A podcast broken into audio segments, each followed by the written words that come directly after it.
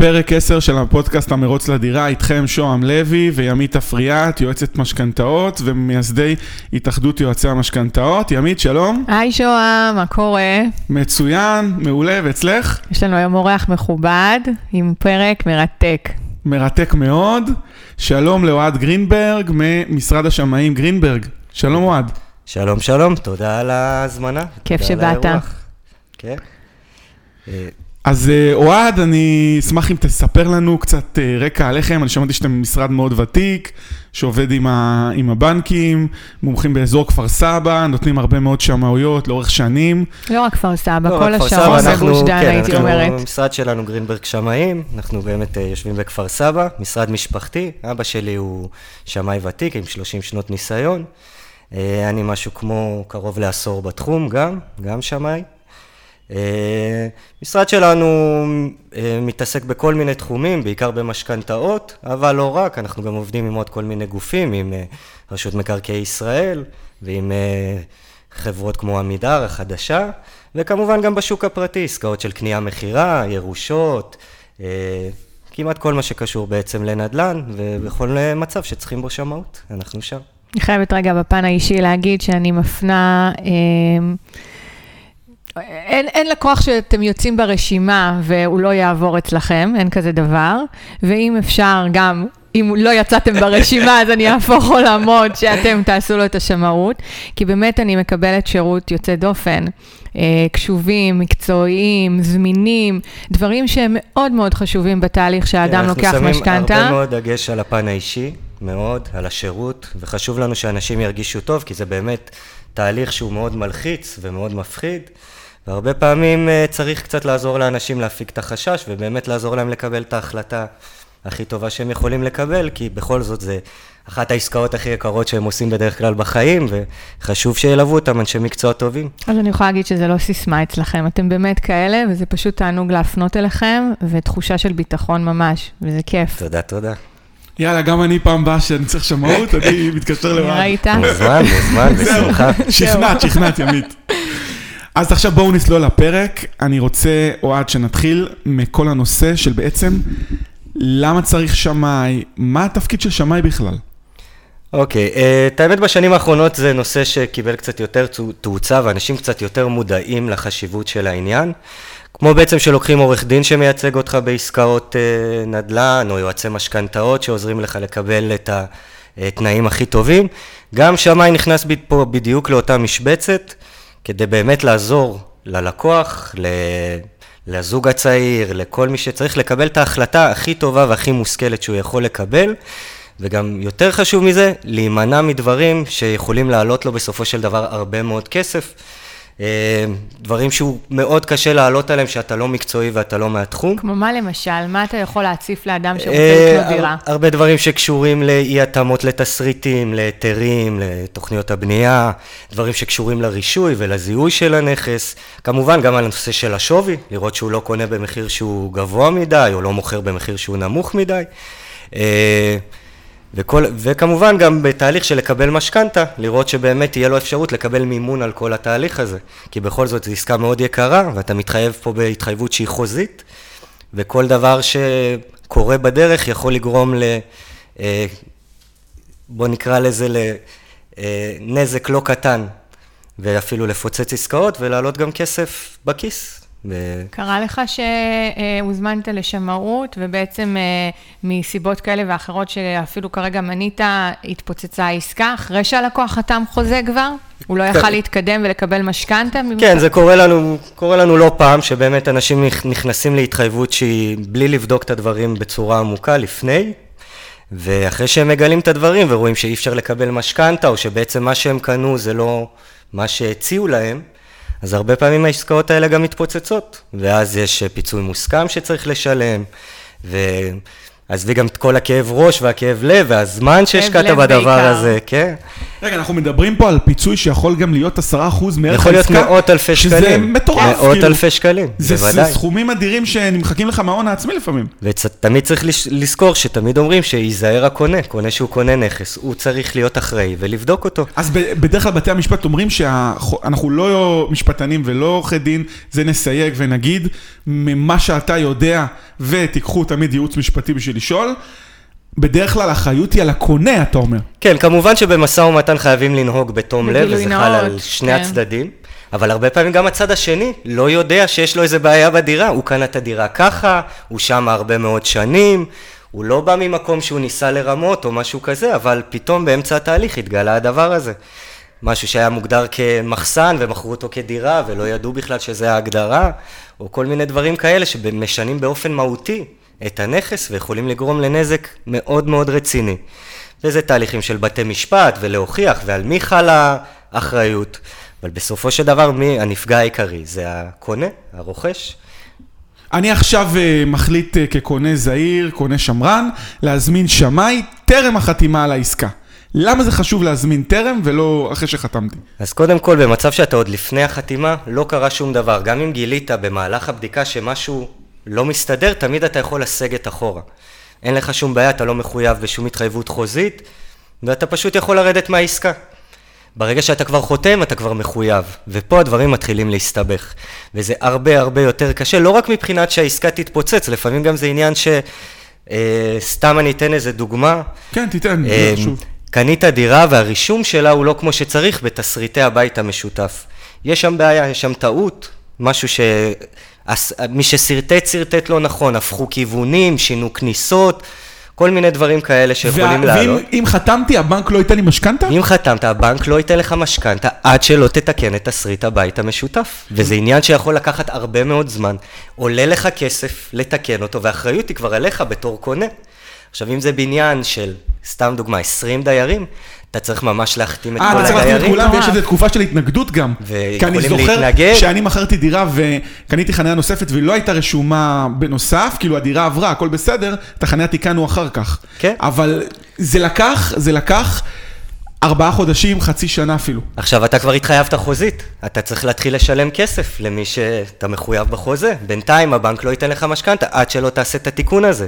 ייקח חצי שנה, ייקח שנה, ייקח שנה וחצי. זה המצב, אתה תקוע, ואתה בינתיים משלם תשלומים. ועוד פעם, וזה במידה שגם הצלחת לתקן אותו, לפעמים יש מצבים שאי אפשר לתקן. את הבית הזה שקניתי, אז לא היה היתר בנייה, הלך לאיבוד, אלוהים יודע איך זה קרה. שזה גם קורה. אז uh, ידענו את זה לפני כן, ולקח איזה כמה חודשים טובים עד שהסדירו מחדש היתר, ורק אז יכלנו לרכוש את הבית אה, ולהיכנס לתהליך. יפה, עכשיו נחזור לשאלה שלך, באמת כשאנחנו עושים את השמאות המקדימה, אנחנו ממש בודקים את כל הדברים האלה, היא לא בודקת רק את הנושא של השווי, שזה גם משהו שהוא חשוב בפני שזה עצמו מה לבדוק. שאנחנו בישראל, זה מה כן. שמעניין את רוב הישראלים. בדיוק, שאני לא קונה יקר, שלא עובדים עליי, שלא יצאתי פראייר, אבל הבדיקה היא הרבה יותר מעמיקה, וגם, סתם אני אתן דוגמה, מה שהבנקים מאוד כן. שמים עליו דגש, זה לאו דווקא הנושא של השווי. כן. זה יותר העניין של הזיהוי, שהם רואים שיש להם זיהוי חד-ערכי של הנכס, שהם יודעים שביום שחור, שבמידה והבן אדם לא עמד בהחזרים שלו, והם צריכים עכשיו לעכל את הנכס ולמכור אותו, לממש בעצם mm-hmm. את הזכות שלהם, שהם באמת יוכלו והם לא ייתקעו. כי אם בטעות יש איזושהי בעיה, ובטעות רשמו את המשכון בצורה לא טובה, או הזיהוי לא כמו שצריך, התבלבלו בדירות, התבלבלו במספורים, לבנק אין בטוחה ביד. זה לא יעמוד במבחן בית משפט. אז מה שמעניין... מאוד כן. מקפידים על זה, מאוד, בעיקר בביתים דו-משפחתיים. בעיקר שמים על זה את הדגש, זה לפני הכל.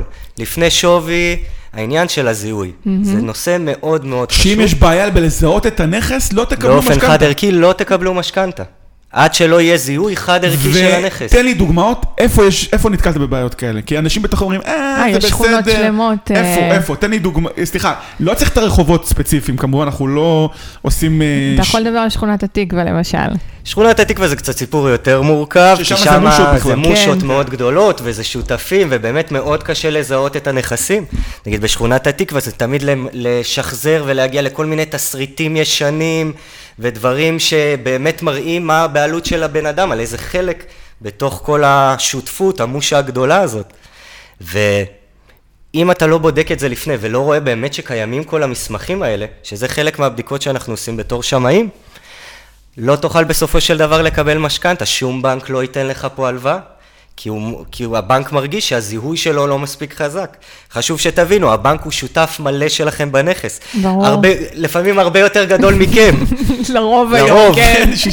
60-70 אחוז. והוא לא לוקח סיכונים, הוא זה לא יכול מוכן גם לפגוש להסתכל. אה, סתם איזה וילה נחמדה בהוד השרון, בכפר סבא, איזה דו-משפחתי, שגם פתאום יכול להיות שאין איזה אה, סידור אה, בין הבתים, נכון? שאין נכון. הסכם שיתוף מסודר, ופשוט קשה להגיד שלמי מה בחלקות. ממש, זה אפילו יכול להיות דברים מאוד קלים, כמו אה, החלפה בכיווני אוויר. לא, וואו, מטורף. ממש, בקטע כזה, שבבית המשותף בתסריט הכיווני אוויר הפוכים. ואז מבחינת זיהוי, הזיהוי בעייתי. איך מתגברים על הדברים האלה? צריך לתקן? מתקנים, מתקנים, לפעמים אפשר. זה ועוד תהליך פעם, שאתם חשוב עוזרים להבין. ל- לאנשים אה, לתקן, או זה שצריך... פחות אנחנו בתור כל, שמאים, כל תיקון זה עכשיו כמה חודשים. כמה חודשים וגם כסף. כי אתה צריך אנשי מקצוע, אתה צריך להביא מודדים, אתה צריך לקחת עורך דין, אתה צריך ממש, זה ממש תהליך וכל ארוך. זה בשמאות מקדימה שעולה החל נגיד 3,000 שקל פלוס מע"מ, אפשר לפתור. בוודאי, זה מה המון שבודקים. מפח נפש. המון המון. זה, זה בדיוק העניין. הרבה פעמים אנשים אה, באים ופונים אלינו כדי לקבל את השקט הנפשי הזה. כי הם רוצים לדעת שמה שהם קונים, שהם קונים זה מה שהם קונים. ושלא יהיו להם הפתעות אחרי זה, להפך. לפעמים אנחנו גם מגלים דברים שגם עובדים לטובתם ומחזקים אותם. בהחלטה לקנות את הנכס. רואים שיש עוד אה, אחוזי בנייה שהם יכולים לנצל, רואים, נותנים להם עוד כל מיני נקודות שבאמת נותנות להם את ההרגשה שהם באמת הולכים לעסקה טובה. עסקה טובה. ושהם יכולים לקבל פה משכנתה, שאנחנו לא רואים פה איזה בעיה מיוחדת, והרישומים כמו שצריך. חלק מהדברים גם העורכי דין בודקים, שזה גם חלק מהעבודה של העורכי דין שמתעסקים בנדל"ן, אבל חשוב להבין שהרבה פעמים גם העורכי דין לא מגיעים פיזית לנכסים. ואנחנו בעצם אלה שבאים ורואים בעיניים את הדברים. אוקיי, אני רוצה קצת לאתגר אותך. עכשיו אני הולך אה, עסקה שנייה, מ... אה, אני הולך לקנות בניין חדש בין שלוש, חמש שנים של קבלן מוכר. למה אני, למה אני צריך שמה לפני? למה אני צריך להיות מודאג, למשל? בקבלנים ראית מקרים כאלה, בעיות? עוד פעם, תמיד יש בעיות, בכל הנכסים. אין נכס, גם בדירות, גם בבתים פרטיים, גם בנכסים מסחריים. לא, הכוונה שלי, תמיד יכולות לצוץ כן, בעיות. כן, כן, כן. זה... ואתה, שאתה לא איש מקצוע ואתה לא יודע באמת על מה להסתכל ומה לבדוק, מאוד קשה לך לעלות על הדברים, אבל סתם אני אתן דוגמה בדירות, לדברים כן, שאפשר... כן, אה, אני רוצה את הדוגמאות האלה. סתם לדוגמה, החלת שטחים שהם שטחים משותפים מהבניין, בתוך שטח הדירה. הכנסת המסתור כביסה פנימה, שזה לא שטח שהוא נספר בדירה, אבל השתמשו בו, ואז אתה רואה דירה שהיא בפועל הרבה יותר גדולה. כי לקחו כל מיני שטחים נוספים שנמצאים ואיחדו אותם לשטח הדירה, אבל רישומית הדירה הרבה יותר קטנה, ואתה צריך להבין את זה. וגם, ביום מן הימים, אם בטעות מגיע פקח של העירייה ויעלה על הדברים האלה, אז יבקשו ממך מה, גם... אנשים שפתחו את המרפסת, את המסתור. כביסה? את המסתור כביסה פתחו אותו והרחיבו את יופי, החדר אני רוצה לשאול הרחצה. אותך עוד שאלה, כי הרבה אנשים עושים את התרגילים האלה בשביל שיהיה להם יותר מקום בבית, ואין מה לעשות, אני מבין את זה, אנחנו ישראלים. האם אתה רואה עכשיו מישהו שפתח את המסתור כביסה? האם אתה, האם הבנק יאשר את השמאות? האם זה זה תקין? עוד פעם, זה, זה לא תקין מבחינת ה...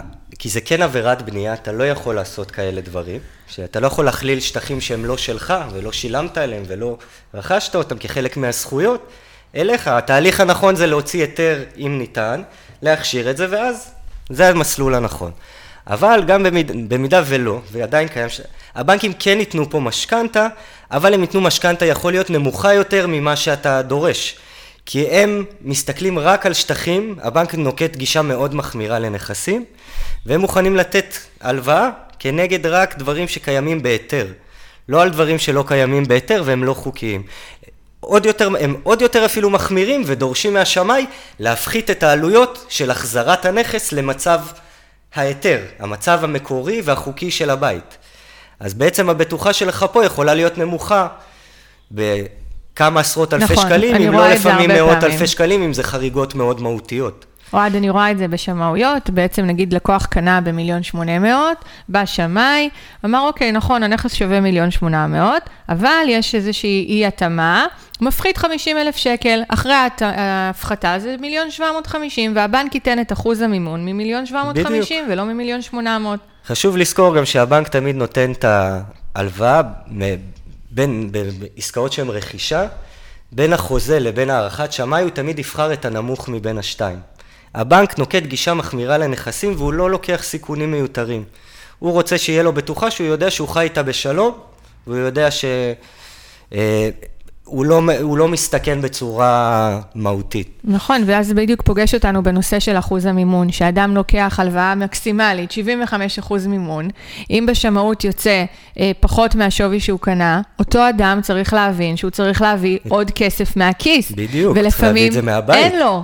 לפעמים הוא גירד שקל לשקל בשביל לקנות את הבית, ופתאום הוא עומד מול מצב שהוא צריך להביא עשרות אלפי שקלים, ובעסקאות יקרות זה גם יכול להגיע למאות אלפים. היה לי, ליוויתי זוגות שהיו צריכים להביא 100, 150 אלף שקל.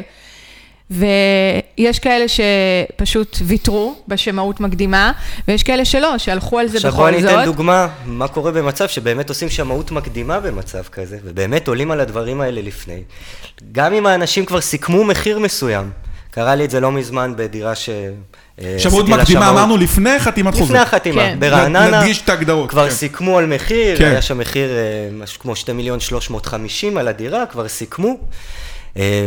ואז כשבאנו לבדוק, באמת מצאנו כמה דברים שהיו לנו שלא התאימו, והוצאנו על הש- את השמאות יותר נמוכה בגלל אי ההתאמות האלה וההפחתה הזאת. ובסופו של דבר, הבן אדם, עם השמאות שלנו, הלך למוכר, והמוכר הפחית לו יפה. עוד 30 אלף שקל.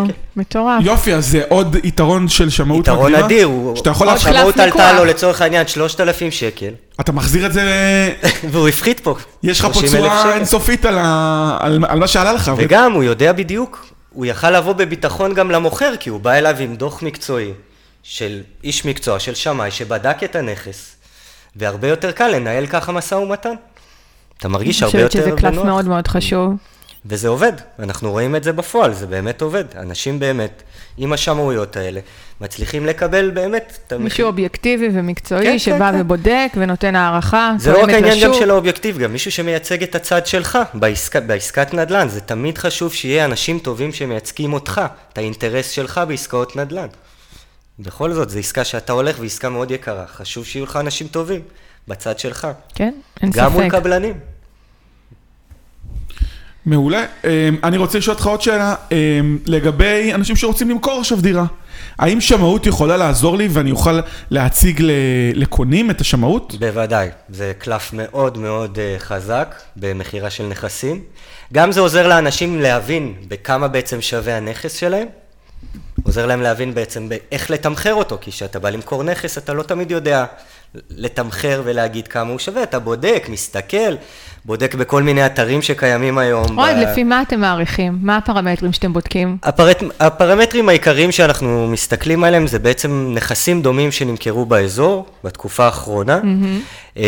ובעצם תוך כדי ביצוע של התאמות ודברים, כי כל נכס הוא ייחודי קצת בפני עצמו, אבל מתגב, מתגבש למ, לשווי מסוים. חשוב להבין שזה אומדנים, זה לא מדע מדויק, אין פה נוסחה מתמטית. אם לא נמכרו דירות בשנים האחרונות אין. באותה סביבה, אז מה הפרמטרים שאתם אה, עובדים על פיהם? לא, לא, מטראז', טיב הנכס, ה- זה גם אם הנושא של... ה- הבית משופץ או לא משופץ זה ישפיע? בוודאי, זה גם הנושא של המיקום של הנכס, גם המטראז', גם איפה הוא ממוקם, אם זה דירה, איפה היא ממוקמת בבניין, נושאים של קומות, כיווני אוויר, אה, גם נושא של תכנון, תכנון הדירה, אם יש לה תכנון אדריכלי, מה רמת הגמר שלה. יש המון המון פרמטרים שמשפיעים על אה, שווי של נכס. וכמובן, ככל שהנכס הוא יותר משודרג, אז מן הסתם השווי שלו אה, עולה. כי אנשים משקיעים, אמנם לא מקבלים שקל לשקל הרבה פעמים על שיפוצים, אבל זה עדיין משהו שמאוד משדרג את הנכס. כן, אם בחרתי בקרמיקה כן. ושי של אה, 500 שקל למטר, אז כנראה שזה לא ישפיע על השמאות. כן, בדיוק. אבל מסתכלים יותר על הדברים הגדולים, וגם חשוב להבין שמה שבעיקר משפיע זה כן העסקאות ודברים שנמכרו בסביבה. גם אם אין, יש לנו דרכים להגיע, גם אה, נכסים שנמכרו אולי בתקופה קצת יותר מוקדמת, גם מנכסים טיפה יותר רחוקים שעושים להם התאמה לאזור שלנו. אין בעיה לעשות את זה, אנחנו, זה בעצם הכלי וזה הדרך של השמאי להעריך נכסים בצורה שהיא די טובה. ובאזורי ביקוש מאוד, זה הרבה יותר פשוט כי יש עסקאות כל הזמן, ו, אה, וזה מתגבש לזה. ואז בן אדם שבאמת בא למכור נכס, יכול לקחת את השמאות הזאת שיש לו, שגם מציגה לו שאין, שבדקו את כל הנכס, את כל הפרמטרים, גם מראה את השווי, ואז יותר קל גם לבן אדם שבא להתעניין ולקנות את הדירה, שהוא כבר רואה שאיש מקצוע ראה את הדירה ובדק אותה. עבר עליה, בדק אותה ויש דוח כתוב. אז יותר קל לו לקבל את ההחלטה, הוא מרגיש יותר בנוח. אז זה, זאת אומרת, שמאות זה, זה כלי שעוזר לי בתור כלי מוכר, מעולה. למכור את הנכס, זה מקל עליי.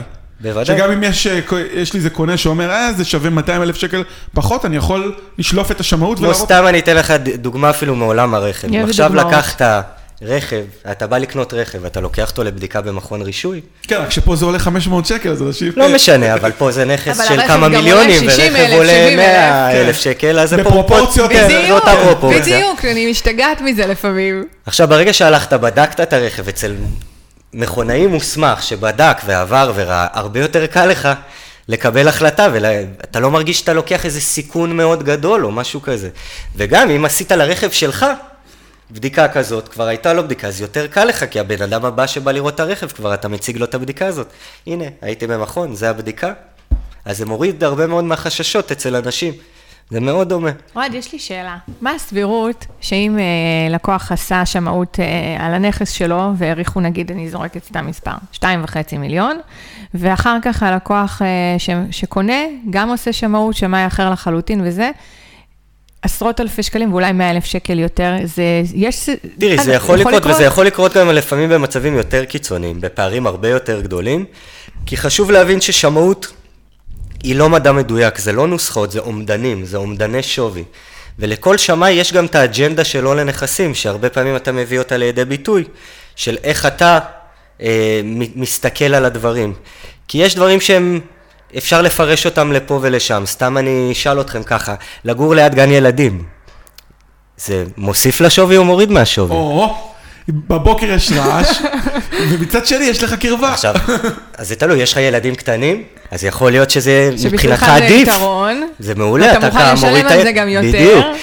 זוג מבוגר שהוא כבר בלי ילדים יכול להגיד, לא, אני לא רוצה, הם עושים לי פה רעש כל הבוקר, אני נמצא בבית, אז מבחינתי זה עכשיו יש פוגע. פה עוד סוגיה.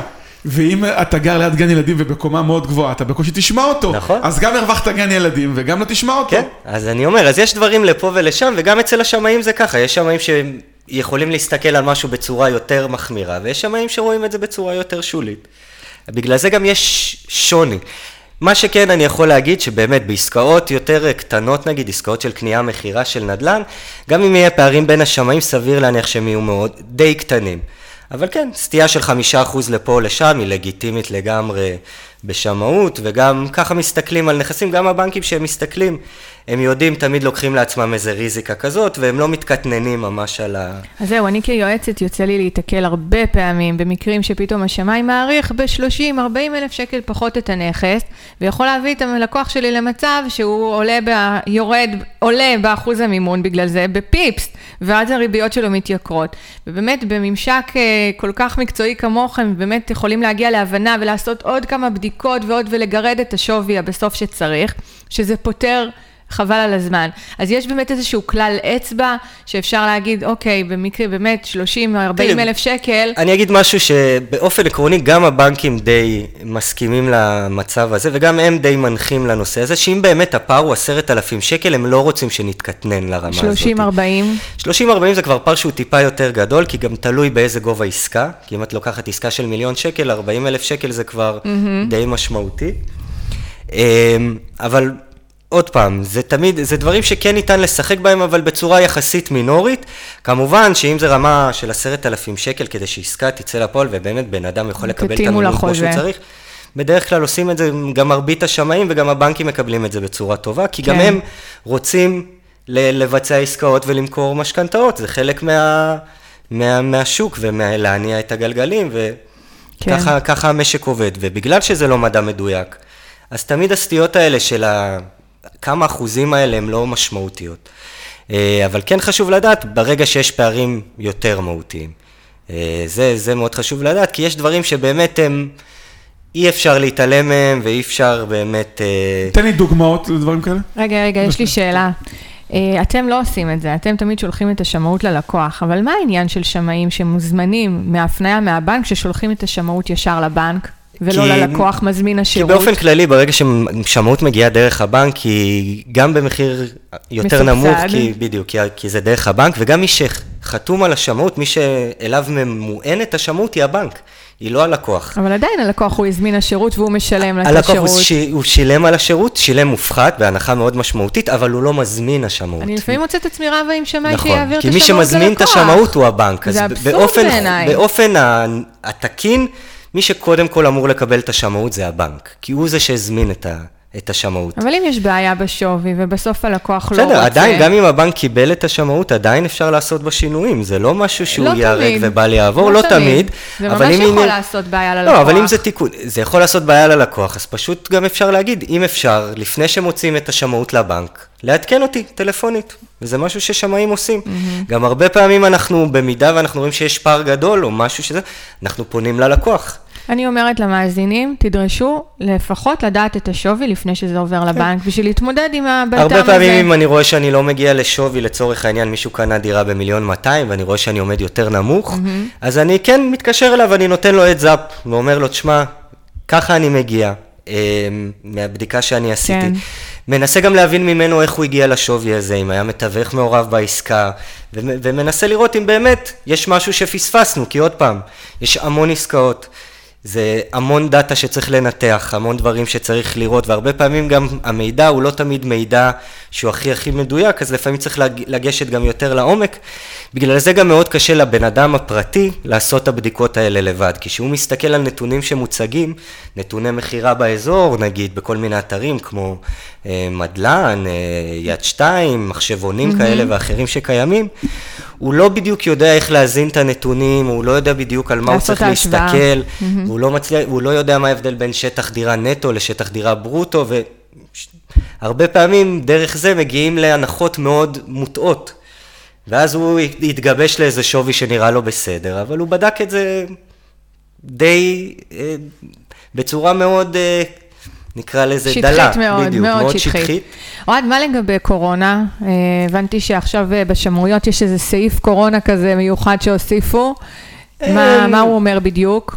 זה אומר ש, שבעצם אנחנו נמצאים? בתמו, בתקופה ש, של אי-ודאות מסוימת, אה, שבאמת לא יודעים עוד לאן השוק ילך ולא יודעים עוד באמת מה יקרה, כי באמת התקופה הזאת מבחינה כלכלית הייתה לא קלה לכולם. מה, אה, חוששים שעכשיו אתם תאריכו סתם בסכום מסוים, ויכול להיות שבעקבות הקורונה תהיה ירידה, אז אתם עושים כן. איזושהי הסתייגות? עוד פעם, זה לא... אני פחות נוהג ככה, אנחנו עושים איזו הסתייגות שבאמת, שידעו שהשמאות הזאת או הדוח הזה נעשה בתקופה בתקופה הזאת, הזו. בתקופה של הקורונה. זה לא אומר שאני מפחית משהו לא? בצורה אוטומטית או משהו כזה. אה, זה פשוט חשוב לדעת, כי עוד פעם, כי אנחנו באמת בתקופה של חוסר ודאות ואנחנו עוד לא יודעים לאן השוק ילך, למרות שכרגע השוק סך הכל גועש. גועש. ולא מראה מטורף. סימני ירידה כרגע, אלא אפילו מראה- נראה שהוא, שהרבה משקיעים חזרו לשוק. אוהד, ו- מטורף. מטורף. אנשים בחל"תים ובמצב של פיטורים פונים ועושים עסקאות. רוכשים כן. בתים ולוקחים משכנתאות ונלחמים על זה כאילו אין מחר. נכון, ובתחילת הקורונה מאוד פחדנו איך זה ישפיע, ובאמת הייתה תקופה כזאת של מה, יהיה עכשיו עבודה, רגע, אז, ומה, אז בתחילת, אנשים יקנו הקורונה, דירות. בתחילת הקורונה הנטייה הייתה לתת שמויות טיפה יותר נמוכות, נכון? הם או יותר שאני- זהירות נקרא להם, אבל הן לא יותר נמוכות, אין כזה דבר להפחית סתם. אתה לא מפחית איזה... אבל אתה נוהג בגישה יותר זהירה, כן. נוקט בגישה יותר זהירה, כי עוד פעם, כי פחד, מאוד פחדנו שהשוק באמת הולך לאיזה מצב של מיתון וקצת ירידה וקצת אנשים שלא יוכלו לעמוד בהחזרי משכנתה ויתחילו קצת עיקולים של הבנק, באמת זה יגרור איזה תקופה כזאת... אה, אה, ודווקא בתחילת ממש שהתחילה הקורונה, אז היה טירוף, כי אנשים מהר רצו להספיק את מה שהם כבר התחילו, כי סגרים ועניינים וזה, אז... ואז הייתה איזה שבועיים, שלושה של רגיעה, ומאז השוק פשוט מתנהג רגיל, אפילו בתקופה האחרונה הוא חוזר לעליות, ואני כבר ראיתי בכמה מקומות שקבלנים מדווחים שזה... דצמבר היה החודש הכי חזק שהיה להם ב-20 שנה האחרונות, ובאמת, השוק כרגע מאוד מאוד חם. אנחנו רואים, אנחנו מנסים להבין ממה זה בא, בעצם מה, מה גורם לזה. ההערכה שלי זה שהרבה משקיעים חזרו עכשיו לשוק, וגם אה, הרבה אנשים מאוד סומכים על הנדל"ן, מרגישים איתו מאוד בטוח, אז כשהם רוצים להשקיע כרגע, הם מעדיפים לשים את הכסף שלהם על הנדל"ן ולא בבורסה או במקומות אחרים שהם מרגישים איתם קצת יותר סיכון. כן, יש לנו סביבת ריבית מאוד מאוד נמוכה. נכון, מאוד קל לקבל אה, משכנתאות, אה, הריבית נמוכה. מס רכישה שירד. מס רכישה על דירה שנייה ועכשיו גם מרכיב ירד. של פריים גבוה יותר, לגמרי כן, חגיגה למשקיעים. בדיוק. אה, אז באמת, וגם שכרגע מאוד קשה להשקיע בחו"ל בגלל הקורונה, ויותר קשה לטוס, ויותר קשה ליצור קשרים, אז באמת זה, אנחנו- ועוד דבר שמאוד משפיע זה הנושא של התחלות בנייה, שקצת נעצרו בשנים, בשנה, שנתיים האחרונות. גם כרגע, כי הרבה קבלנים מזמינים סחורות מסין וכאלה, והדברים לוקחים להם יותר זמן, וגם המחירים של אה, מלט, בטון, קצת הכל עלו, התייקר. הכל התייקר. החודש עכשיו עלה ב-0.6 בדיוק, מדד תשומות אז גם הבנייה. התחלות בנייה ירדו, וזה יוצא מצב שבעצם ההיצע לא גדל והביקוש כן גדל, ואז המחירים ממשיכים לעלות. מעניין מאוד. מעניין. אני עכשיו רוצה לשאול אותך שאלה. אני עכשיו בא לקנות דירה. אתה כשמאי, איזה עצות הכי טובות, נכון, אני לא בעל מקצוע, איזה טיפים אתה יכול לצייד אותי, שאני אדע לשאול שאלות נכונות, לבדוק דברים נכונים, בלי להיות איש מקצוע. יש לך כמה רעיונות? אמ, תראה, בתור בן בתור בלי לוותר אדם- על השמאי כמובן, לא, כן? לא, כן. כמובן, אבל אני אומר, דברים שאתם יכולים לראות גם מראש ולעשות את הבדיקות די בקלות גם בעצמכם, זה באמת לראות אם אתם רואים דברים חריגים בדירה, קודם כל שלא לא מסתדרים לכם בעין.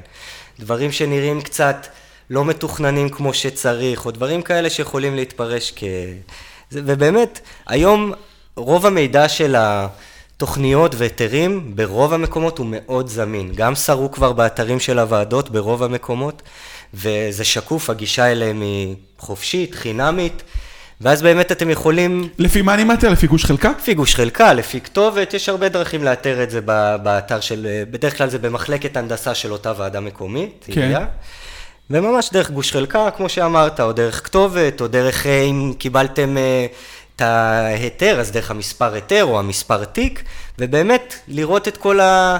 אה, לראות בעין, לראות לפתוח בעין, את התוכנית, בדיוק, לראות ולראות- האם זה תואם למה שראית נכון. בפועל. אתה יכול לתת לי עוד דוגמה? עכשיו נכון, זה לא פשוט, ועדיין, אני לא ממליץ לעשות את זה לבד, כי יש דברים שמאוד קשה לראות ולדעת, אבל זה כן נותן משהו ראשוני. זה כן נותן משהו ראשוני, אה, וזה לא, זה לא מסובך, זה תסריטים, אפשר להבין. מה, לזהות ספציפית את הדירה בתסריט? כן, לשאול- כן, לראות ממש, לזהות את הדירה בתסריט, לראות את הבניין, לראות שיש לו היתר, זה דברים שהם מאוד בסיסיים. לשאול גם מי, מי היה הקבלן, אם, כן. אם, אולי הוא שמר את ה... אם זו דירה חדשה, אז אם הוא שמר יותר את מזה, ההיתר אתם ב- גם יכולים להיעזר באנשי מקצוע שנמצאים בוועדות. כרגע אין קבלת קהל פיזית בגלל הנושא של הקורונה. אה, אני יכול לשלוח אליהם מייל ולשאול. לשאול, להגיע לשלוח מייל, להגיע. פיזית, לקבוע פגישה, לשבת עם אשת מקצוע, שתגיד לך, תביא לך את זה, אה, שלא אפילו אתה תצטרך לחפש את זה. אה, אז ממש. בתור שירות, אותה עירייה? כשירות. אה, ממש כשירות. וזה לא עולה לי כסף. לא עולה כסף, כחלק מהשירות. הרבה מהם גם עונים במיילים, במיוחד היום בתקופה הזאת של הקורונה, כי אין קבלות קהל אה, פרונטליות. ואז אתה באמת יכול לעשות הרבה בדיקות מקדימות אה, בצורה די טובה, של לראות, לקבל בעצם את התמונה הראשונה, אבל עדיין צריך להיזהר מזה, כי יש הרבה דברים שקל מאוד לפספס. אה, נושא של פתחים, נושא של גובה דירה, נושא של אם זה נספר כחדר או לא נספר כחדר, דברים רגע, שהם... מה זאת אומרת גובה דירה? מה, אם התקרה שלי יותר גבוהה? אני לא מבין. כן, לכל דבר יש תקן מסוים, שאתה קונה... אה, אתה כשמאי אתה מודד את הגובה. מהתקרה? אני בודק, לפי מסתכל התוכניות. לפי התוכניות, בודק גובה מינימלי, גודל מינימלי של סליחה, חדר. ואם הדירה שלי יותר גבוהה, למה זה בעיה? לא בעיה, אה. להפך, אם היא יותר נמוכה זה בעיה. אם יותר נמוכה זה הפחתת שווי. היא כבר לא יכולה לחשב כדירה. וואו. רגע, אז מה, הסטנדרט הוא 2.65, לא? אני חושב- שתיים וחצי ומעלה. שתיים וחצי? כן. ונגיד חדר לצורך העניין צריך להיות שמונה מטר, צריך להיות לו רוחב של 2.60 וואי, לא מינימום ידעתי כדי שהוא שיש, ייספר אה, כחדר. אוקיי. חייב להיות לו חלון. וואו. זה דברים שמאוד קשה לאדם הפשוט לדעת ולהבין, זה דברים שאנחנו למדנו השמאים רגע, המון אבל שנים. יש הרבה דירות תמ"א אה, 38-1, שיש חדרים בלי חלון לפעמים, לא? אז כי- הוא לא נספר כחדר. אז אתה לא יכול למכור את הדירה נגיד כדירת ארבעה חדרים. אתה יכול וואו. למכור אותה כדירת שלושה וחצי חדרים. וואו, עכשיו עוד שאלה לגבי חדרים. אני בדירה שלי קניתי, קניתי אותה אחרי שהורידו בחדר. למה שהורדתי חדר זה מפחית שווי? למה, למה בהכרח... קודם כל זה לא תמיד מפחית שווי, חשוב להבין. אגב, הורדתי משישה לא- לחמישה. בדיוק. שזה לא... דווקא במצבים של בין שישה לחמישה זה לא דרמטי, כי בדרך כלל זה לא משפיע בצורה... גם עוד פעם, אפשר להחזיר את החדר הזה. תמיד. ותכננו אבל את זה ככה, כן, בצורה. יפה, שהסלון הורחב והמטבח, הכל נראה הרבה יותר כיפי וגדול. נכון, אז זה מה שאני אומר, זה לא בהכרח מפחית בשווי, זה גם יכול אולי לפעמים להעלות את השווי, כי אם התכנון הזה באמת עדיף ונותן לדירה אופציות הרבה יותר נעימות וגורם לה להיות דירה הרבה יותר אה, אטרקטיבית. נעימה. חבל על הזמן, יצרתי, במקום... ה- הסיבה שזה יפחית. לך מהשווי. תקשיבי, במקום מה שהיה יחידת תורים, הפכנו את זה לחדר משחקים ענק, ענק, ענק, ענק, הכל עם פרקט יפה ותאורה יפה. והיחידת תורים, במקום שני חדרים, עשינו יחידת תורים ענקית, שזה גם החדר שלנו, וגם, אתה יודע, אתה יושב בטלוויזיה. לא, זה נשמע שהשבחת את הדירה מאשר... קודם כל, אה, הרבה מאוד עושים את זה. אז השמאי הוריד לי על זה, אה, כן? כשקניתי. אז זה, זה יותר מתקשר למה שדיברנו כאילו, קודם, זה כאב לי, ב- לאג'נדות. שיש גם אג'נדות נכון. של זה כאב לי שמאים. בלב, כאילו. שיש גם אג'נדות של שמאים. אני דווקא לא באג'נדה הזאתי. כל עוד המטראז' הוא אותו אפשר מטראז', גבס, להחזיר את החדר, כאילו, זה לא מאוד פשוט. להפחית. ולהפך, אם התכנון שלך עשה את הדירה יותר פונקציונלית ונעימה, ובאמת יצר לה space מאוד יפה בסלון, בחיבור עם המטבח. לא אמור להפחית. להפך. מסכימה. זה אפילו משדרג, ויהיה לך יותר קל למכור אולי את הדירה אפילו, כי מישהי יבוא לדירה. בגלל זה, בדיוק, בגלל זה קניתי אותה, אז דווקא על זה הוריד לי את אז השווי. אני אומר, זה לא...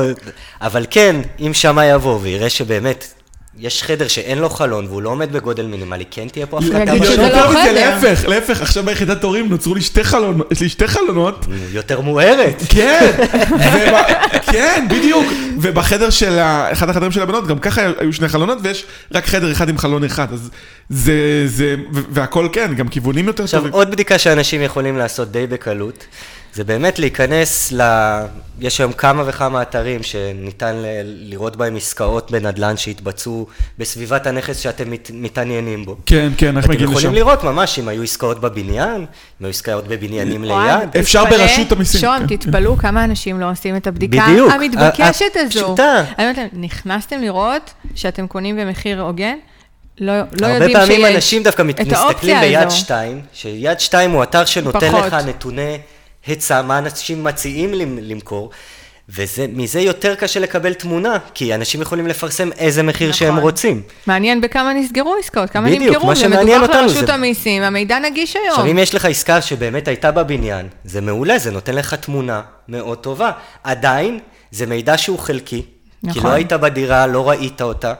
אתה לא יכול לדעת, אולי היא הייתה משופצת, אולי היא הייתה זקוקה לשיפוץ, אולי החליפו בה כל מיני דברים, אולי היה בה... מאוד חשובים. אולי היה בה איזה פגם כלשהו, שזה לא בא לידי ביטוי בדיווח של העסקה הזאת. גם אולי עסקה מתוקף גירושים, מתוקף בדיוק, ירושה. משפחה, אולי זה מכירה במשפחה שמכרו בדיוק, יותר ואז זה בזול. מטה קצת את הנתונים. בדיוק. בגלל זה גם אנחנו לא מתבססים על עסקה אחת. תמיד אה, כמה וכמה עסקאות שעושים להם את הניתוחים, ואנחנו גם בתור שמאים הרבה פעמים גם מנסים להיכנס יותר לעומק. פותחים את התיקי בניין, מסתכלים, מדברים עם שמאים אחרים שאולי מכירים את הדירה, אולי אה, היו כן, מעורבים. אתם מדברים עם שמאים אחרים? בוודאי.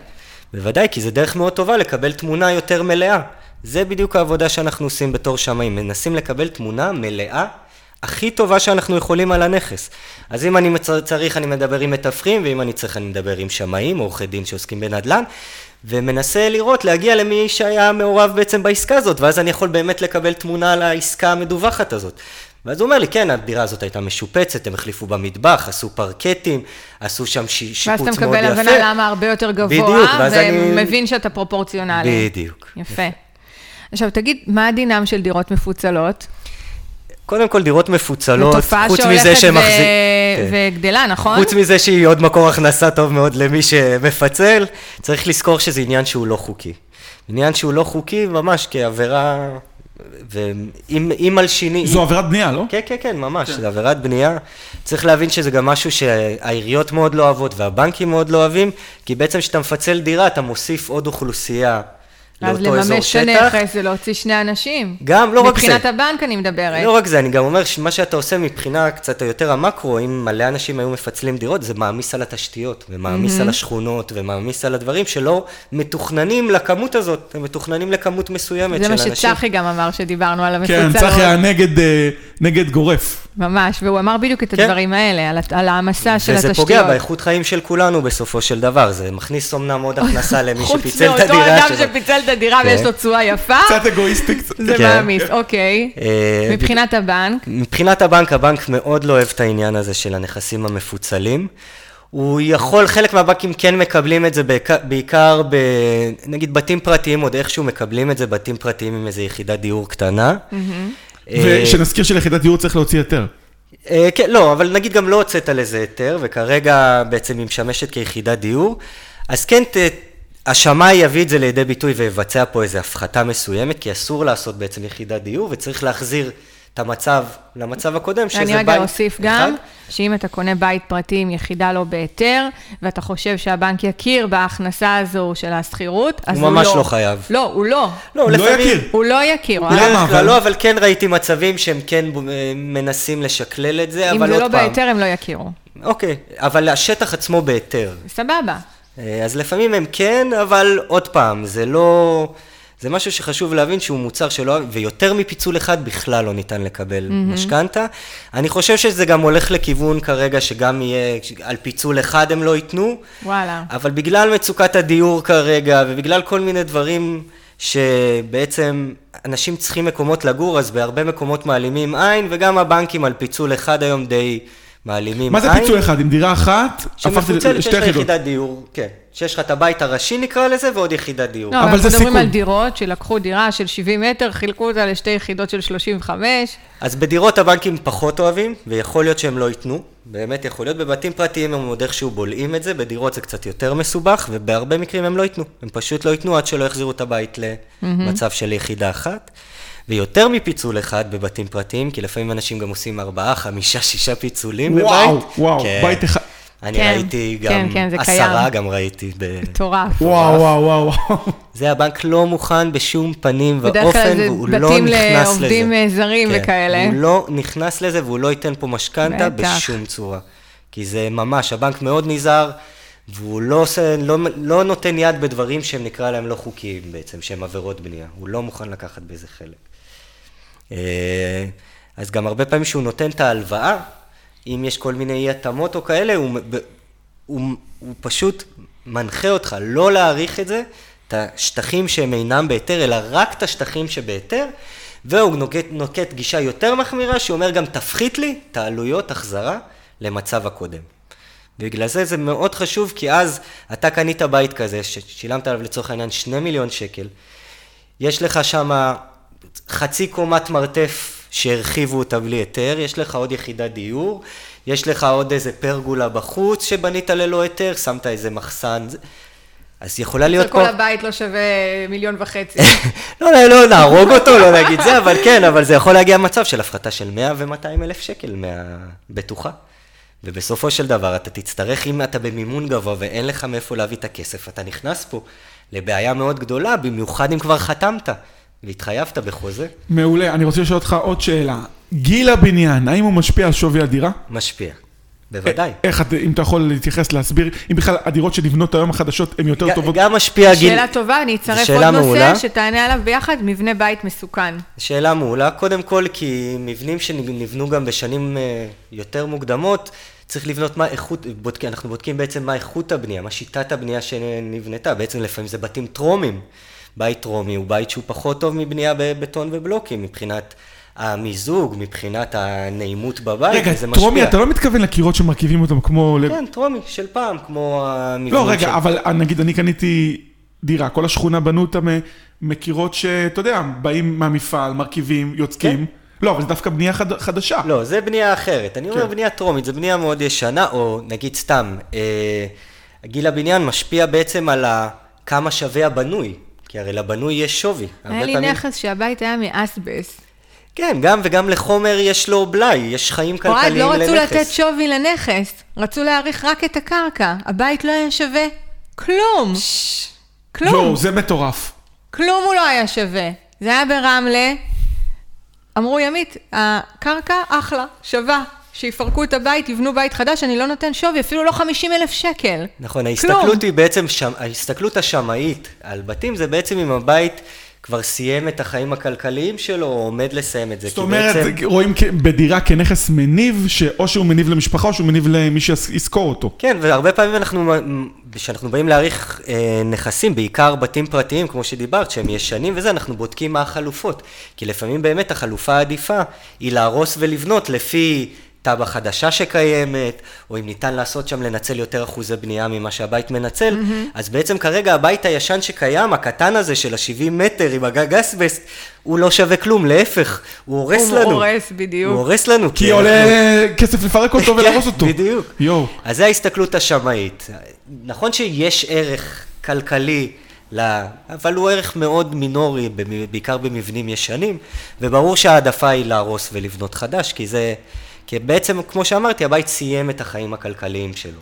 הוא כבר לא מתאים לזמננו אנו. אז כן, יש השפעה. גם יש השפעה לנושא של אה, ממ"דים מתי נבנו בדירות, כי בתים יותר חדשים בונים בהם ממ"דים, מאשר בדירות ישנות, ואז אם יש לך אפשרות מיגון, אין לך אפשרות מיגון לדירה, זה גם דבר שאנשים מסתכלים עליו, גם יש לו ערך. Mm-hmm. גם הנושא של מבנים ש... לאט לאט מתיישנים, והטיח מתחיל להתקלף, זה מאוד מעניין, עריכים. ואז מגדירים אותם, הוא לפעמים מבנה מסוכן. זה קורה בהרבה מה, מקומות, מה גם את זה משהו שניתן לבדוק בהרבה מקומות בעיריות, באתרים שלהם. יש להם ממש רשימה. אה, במחלקת ההנדסה מופיע כן, כן, כן, ממש רשימה של בתים מסוכנים. אז שווה לבדוק אם המבנה שאני קונה בדיוק. הוא מבנה מסוכן. הוא מוגדר כמבנה מסוכן, כי בעצם הבנקים לא נותנים משכנתה. שם, יש בתים שרשום בטאבו, בהערת אזהרה, שהבית מוגדר כמבנה מסוכן. אה, זה מגיע עד לטאבו אפילו? כן, כן. ואז שמאי יכול לבוא להגיד, בדקתי. מדובר בקצת טיח מתקלף, קצת דברים כאלה, הוא, פת... הוא מפחית פתאום מהחומרה של הסיכון, והבנק מקבל. 아, או לחילופין, כן. השמאי יבוא ויגיד, לא, זה באמת, העמודים עומדים להתמוטט, סכנה, והוא לא ייתן משכנתה. לא הבנק. רק זה, גם העירייה עצמה לא תיתן לעשות פה עסקה בנכס, כי עד שלא יסדרו בבניין כן. ויסדירו אותו, הם לא ייתנו לעשות העברת זכויות. אה, כשאנחנו עושים את העברת זכויות, אנחנו צריכים את האישור של העירייה, כן, לא כן. לשכוח. בטאבו, אז בדיוק. אנחנו לא יכולים לקבל את הטאבו, את האישור שלנו בטאבו, בסוף כל התהליך, אה, לפני שהעירייה חותמת. נכון, בדיוק. שזה צריך לזכור. כן. קיצר, אתה קולט איזה מטורף זה, כמה חשוב. אז הסיכונים הם רבים, באמת. אני לא בא להפחיד אנשים, זה לא המטרה, כי באמת, ברור שלא. רק לא... פשוט ההפסד אחר כך, של מאות אלפי שקלים. המטרה זה לפתוח את העיניים, ובאמת שתוכלו לישון בשקט ולדעת מה אתם קונים, כי זה יכולת שלכם לקבל החלטה הרבה יותר טובה, גם על הנכס עצמו, גם מהכובע שלך, של האשראי אה, והמשכנתות, לדעת כמה, כמה כסף הולך לעלות לכם התהליך. חד משמעית. עכשיו, זה קצת ביצה ותרנגולת. ולתכנן את עצמכם כלכלית, נכון. השבוע ישבתי עם זוג, והם רצו אישור עקרוני, והיה אחוז מימון מקסימלי, אז אמרתי להם, רגע, אז תעשו שמאות. לא, אבל תביא לנו אישור עקרוני קודם. כן, אבל אם אני אביא אישור עקרוני, ובסוף השמאות תצא נמוכה יותר, ובסוף תחליטו לא ללכת, אז... הייתה לנו התלבטות, רגע, מה השלב הכי נכון? בסוף סיכמנו, טוב, אני מוציאה אישור עקרוני, יהיה להם, כי לא ראיתי בעיה אשראית. ומיד אחרי האישור העקרוני תזמינו שמאי. זה השלב, כאילו, אתם חייבים רגע לבדוק שבכלל נותנים לכם את האשראי המבוקש, ואז שמאות, ואז אם יצא נגיד נמוך יותר, בואו נראה איך אתם מגרדים את הכסף, כי הם כבר ממש ממש התלהבו מהנכס, אמרו, אוקיי, גם במחיר של שמאות אה, נמוכה יותר, אנחנו נמצא את הפתרון. אז חשוב, עורך דין טוב... אז היועץ משכנתאות לפעמים מביא את השמאי ומציל לבן אדם את העסקה לפעמים. כן, שוהם. לא לפעמים, קורה לי מלא פעמים שאני מביאה שמאי ומצילה עסקה. אתה צריך להבין שיש המון, עוד פעם, המון טעויות ודברים שקורים לא מרוע, מסתם דברים שקורים בטעויות של רישומים ודברים כאלה, וזה קורה, אנחנו... זה לא משהו שאני אומר לך סיפור שקורה לי אחת לשנה, זה על בסיס שבועי. אני רוצה לספר איזשהו כן. סיפור הצלחה קטן שהיה לי ממש לאחרונה בעניין שמאות, ואחר כך אני רוצה איזה סיפור הצלחה ממך. יאללה. לקוח אה, רכש דירה במיליון 760, אמ, הגיע השמאי, העריך במיליון 670. העלה לנו בפיפס את אחוז המימון, מ-60 ל-60 ומעלה. המשמעות של זה בריביות היא העלאה של כ-0.3 בערך, בכל המרכיבים. הבדל של עשרות אלפי שקלים בעלות הכוללת של ההלוואה. לא הסכמתי, כי האמנתי בדירה, זה לא שאני, אני עשיתי את הבדיקות עבור הלקוח, נכנסתי למדלן, בדקתי, ראיתי, באמת, עשיתי לו בדיקה ממש מקיפה, צילמתי שלחתי לשמאי, אה, הוא קצת, אה, קצת היה טיפה כזה אי נוחות, שכאילו למה את נכנסת לי לזה, כן, אה. אבל הוכחתי, הוכחתי והראיתי לו את כל הנתונים, הוא ישב עם המנהל שלו, ביחד עשו הסתכלות מחדש על הכל, ולשמחתי הרבה העלו את השווי, הבינו שנכון, יש פה את ההעלאה הזאת לעשות, כן. מגיע ללקוח, זה לא שהם עשו לי טובה, זה לא שהם היו לא מקצועיים בהתחלה שהם נתנו פחות, לא, פשוט לא. כמו שאוהד נכון. אמר. יש עוד דברים שאפשר להסתכל, ואולי הם פספסו וכולי, הצגנו, ונשארנו על 60% מימון. סתם אני אתן דוגמה עוד למה ש... זה, תקשיב, חסכתי ללקוח המון המון כסף. במקרה הזה זה זוג צעיר מאוד, שאם הוא היה רוצה להישאר על ה-60% מימון, היה צריך להביא 20 אלף שקל. זה הכל. אבל זה 20 אלף שקל שהוא צריך עכשיו לריהוט. לכולנו כן. חשוב, חשוב גם אלף שקל, נכון, לכולנו. נכון, זה 20 אלף שקל, שאם הוא היה צריך להוציא מהכיס, זה היה בא על חשבון אה, מקרר ומזגן ודברים שהוא צריך לקנות ברור, למה לבית, לא? זוג למה בני לא? 30. למה שלא יהיה להם? נכון? בדיוק. עכשיו אני אחזק עוד משהו שאמרת, שאמרת. ששלחת באמת לשמאי את ה... אני דווקא לא חושב שזה משהו שהוא לא בסדר, להפך. אתם צריכים להבין שאנחנו, לפחות המשרד שלי, אנחנו מאוד מתנהגים ככה. אנחנו מאוד שמחים לקבל מידע מאנשים, אנחנו... יש המון מידע, לא תמיד אנחנו מגיעים להכל. סתם אני אתן דוגמה, שהיה לי ממש בשבוע האחרון. עשיתי איזה דירה בפתח תקווה, שבאמת סיכמו שם כבר על מחיר וזה, ובאתי ועשיתי בדיקה, ואני רואה שאני 100 אלף פחות ממה שהם סיכמו ביניהם. שזה פער די משמעותי לדירות מאוד. קטנות, דירה של מיליון, מיליון משמעותי מאה, מאוד פער ל-1,000 משמעותי שקל. מאוד. כן, כן. היינו עוד במצב של לפני, ה- החוזה, וכשדיברתי, היה מתווך שקשור לעסקה גם, ופניתי גם למתווך, ואמרתי לו איך הגעתם לשווי, ומה... והוא סיפר לי על כמה עסקאות שהיו לאחרונה, ובאמת, גיליתי שהיו עוד שתי עסקאות, ממש ממש מהשבוע האחרון. שבוע? שלא דווחו ברשות שבוע, המיסים. כן, וואו. שבאמת לא דווחו ברשות המיסים, לא כי מישהו, כי זה לוקח זמן, ולפעמים הדברים עד שהם מדווחים, ב- זה. לוקחים זמן. הגענו לחוזים האלה, הגעתי גם למי אה, שהיה זאת בדירות האלה. אומרת שאם מישהו מספר לך דבר כזה, אתה רוצה לראות חוזה. ברור. בטח, בוודאי. אין בעיה, אני- הגעתי זה לחוזה, לא מובן מאליו מבחינתי. כן, אבל זה לראות חוזה, כמובן, בלי שאני רואה שמות של אנשים, תמיד אנחנו שומרים על הפרטיות של מי שקונה, אבל לראות את הפרטים של הנכס, בעצם שזה החוזה זה שנמכר על הנכס. מאוד. כן, כן, הגענו לחוזים האלה, דיברנו, דיברתי גם עם השמאי שהיה בדירות, הוא תיאר לי אותם, אמר לי מה, וזה מאוד הרגיע אותי, ויכולתי באמת לתת פה איזה ה- העלאה בשווי, כי באמת, במיוחד בתקופות שאנחנו במשק, כמו היום, שהמשק רותח, שבאמת אנחנו רואים עליות על בסיס חודשי, באמת, אם לא שבועי, מטורפות. אז העסקאות האלה מאוד חשובות לי, כי אני מסתמך על עסקאות שלפני כמה חודשים אחורה. והן כבר לא... לא שהן לא רלוונטיות, הן טובות, אבל הן טובות, אבל כבר היום אנחנו ברמת מחירים אחרת. מדהים.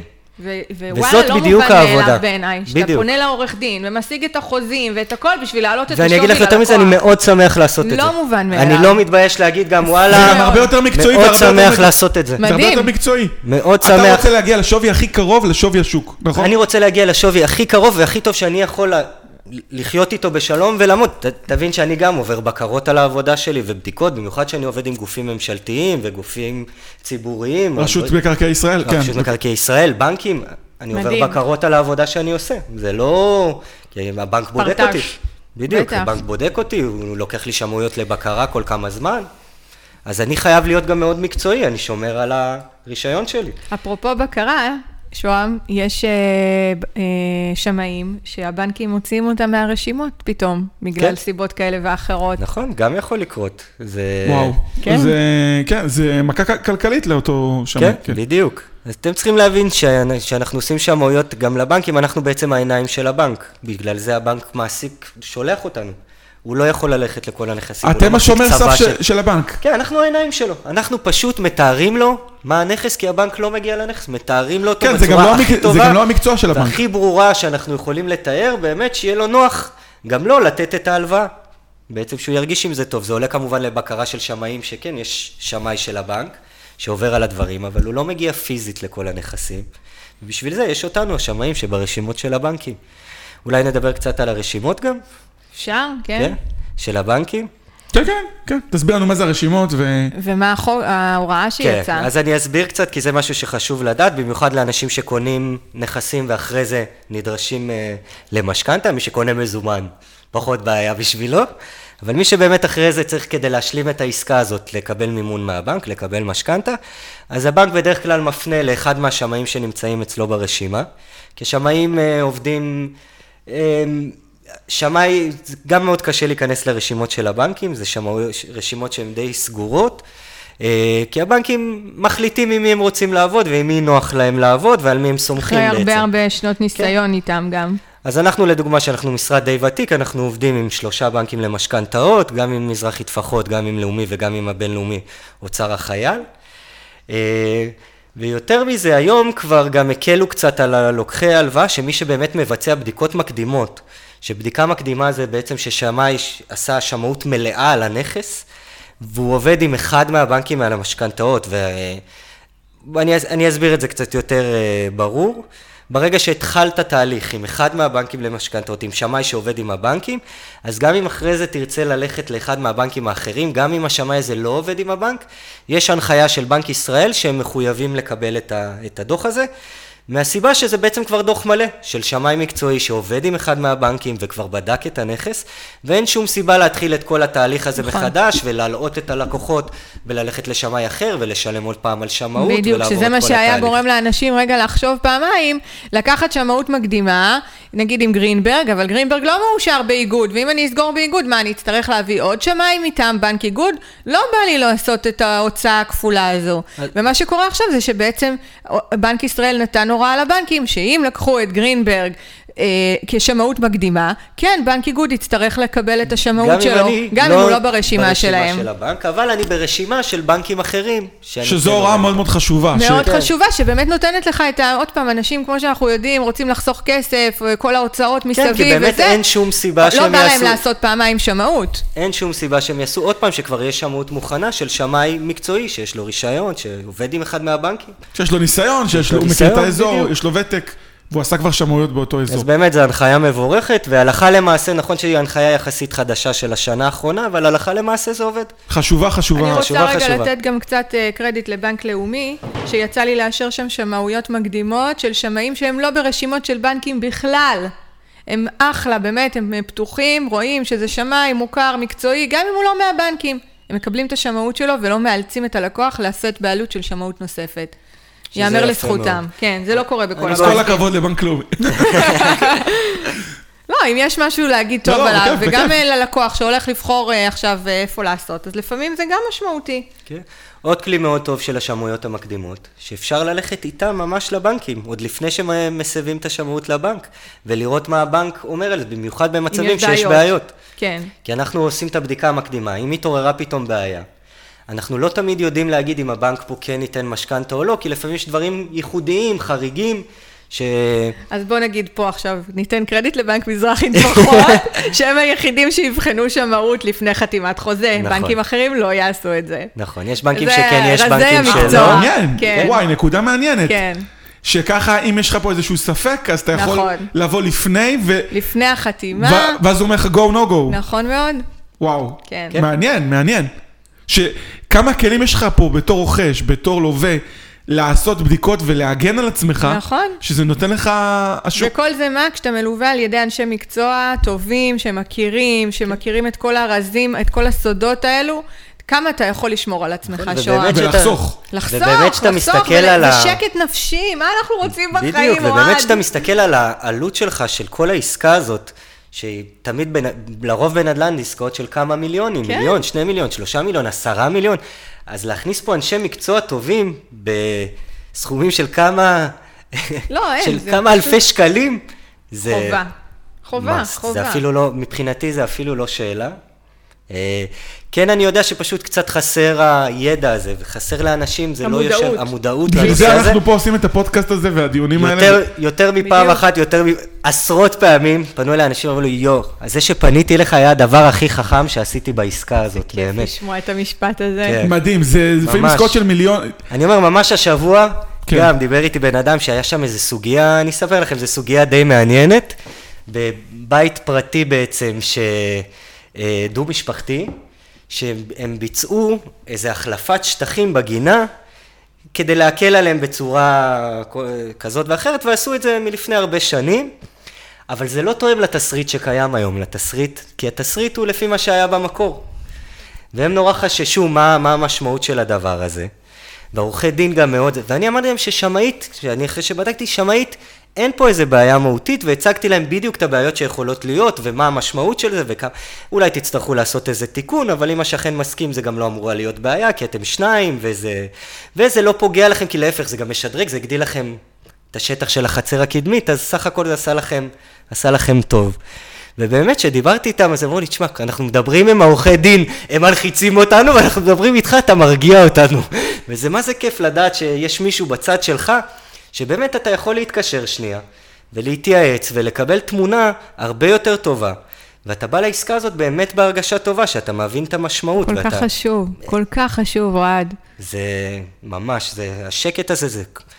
אי אפשר לקנות שקט, אני לא יודע איך להסביר את זה, זה פשוט משהו אפשר. שהוא, כאילו, בדיוק. באנשים הנכונים בדיוק. אפשר. זה אני לא יכול להסביר, זה אני לא, הקטע. כאילו, אני לא יכול לתמחר כמה זה שווה. לעשות דברים בצורה נכונה, כן, רגע, בדיוק. להבין, ובסוף להגיד, וואלה, הנה, עשיתי עסקה מצוינת, בדקתי כל מה וגם שצריך, שאתה והכל תרגיש מושלם. איתה טוב, שזה הכי חשוב, שתרגיש שעשית את העסקה הזאת בצורה הכי טובה שיכולת. וגם אם יש בלת"מים, אתה יודע אותם מראש, אתה יודע להתמודד איתם, אתה יודע בדיוק. להיערך, אתה יודע לה... ובשלב עוד שלפני שחתמת על חוזה והתחייבת למשהו, זה הרבה יותר קל והרבה יותר פשוט. כן. מאשר להתחיל לרדוף אחרי שכבר חתמת, וכבר מתחילים להגיע תאריכים של תשלומים שאתה צריך לשלם, ואתה צריך עוד בזמן הזה לפעמים גם למכור נכס אחר. נכון, והקונה ו- שלך, המוכר שלך בעסקה אחרת, וכולם בלחץ, וזה סיר לחץ, וזה מטורף. אתם- וזה... כן, אז לסיכום, אתם הולכים לקנות נכס, אפילו גם אם אתם מוכרים נכס, תיקחו שמאי שייתן לכם חוות דעת, תיקחו יועץ משכנתאות, תיקחו אנשי מקצוע טובים. חד משמעית, שוהם. חד משמעי, זה תהליך שהוא מאוד מאוד חשוב, בעיקר, בעיקר, דיברנו על זה, אנחנו מדברים על זה יותר מפחד, לאנשים שהם במימונים גבוהים, ושאין להם אחרי זה מאיפה, אין להם כסף מיותר. נכון. שזה רוב האנשים, אין, באמת, אוספים שקל לשקל בארץ כדי לקנות. להביא את ההון העצמי הנדרש. אנחנו יודעים, המחירי, המחירי דיור בארץ הם בין הגבוהים, לא פשוט לזוג צעיר לקנות היום דירה בארץ בשום... אז באמת, שאתם כבר עושים את התהליך הזה, חשוב, חשוב, חשוב, שתהיו בטוחים שאין לכם פה הפתעות ודברים שאחרי זה לא תדעו איך לצאת מהם. אוהד, תודה רבה רבה שבאת. תודה, תודה על ההזמנה. היה ממש לי כיף, מעניין. ממש ממש. אה, תודה על האירוח. ימית, תודה רבה. תודה, על עוד שוהם. פרק מעניין, תודה שהזמנת את אוהד.